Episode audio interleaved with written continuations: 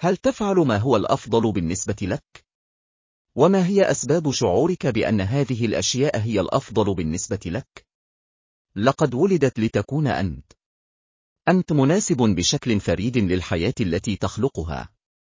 ولكن إذا كنت لا تعرف من أنت، فلن تتمكن من أن تكون من تريد أن تكون. عندما تواجه الحزن أو السعادة أو الفرح أو النشوة، فلن تعرف ماذا تفعل بها. نحن بحاجة إلى معرفة الأسباب وراء ما نحن عليه. قوة الوعي الواعي، احتضان تفردك. في عالم يشجع في كثير من الأحيان الامتثال واتباع الجمهور، من السهل أن نغفل فرديتنا وأهمية الوعي الواعي.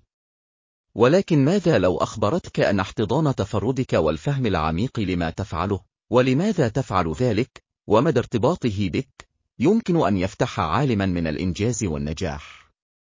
سوف تستكشف هذه الحلقة أهمية الوعي الواعي وكيف يمكن أن يمكنك من عيش حياة مدفوعة بالهدف.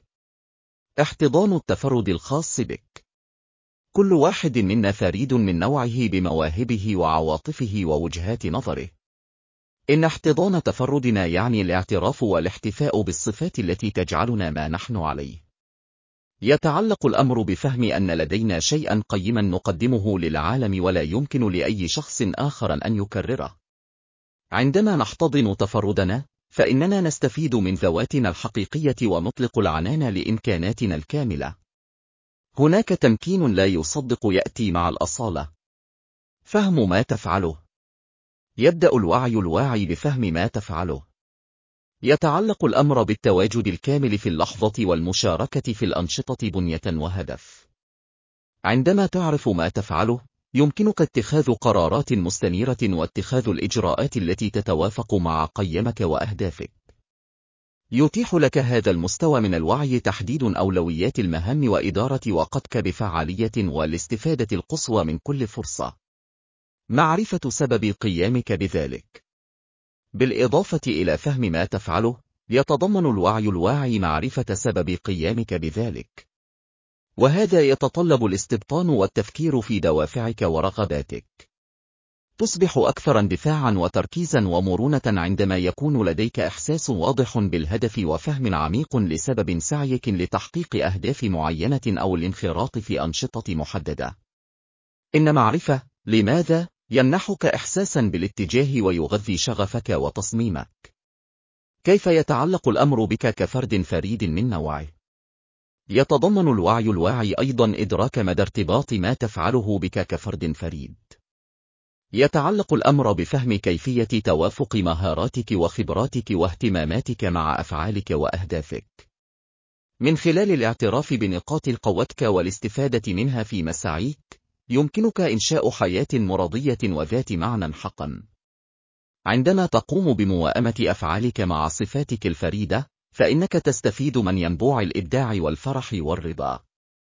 تأثير الوعي الواعي عندما تقوم بتنمية الوعي الواعي بما تفعله، ولماذا تفعله، ومدى ارتباطه بك كشخص فريد، فإنك تطلق العنان للعديد من الفوائد. تصبح أكثر تركيزا وإنتاجية وإشباعا. أن تقوم باختيارات تتوافق مع قيمك وتقربك من أهدافك.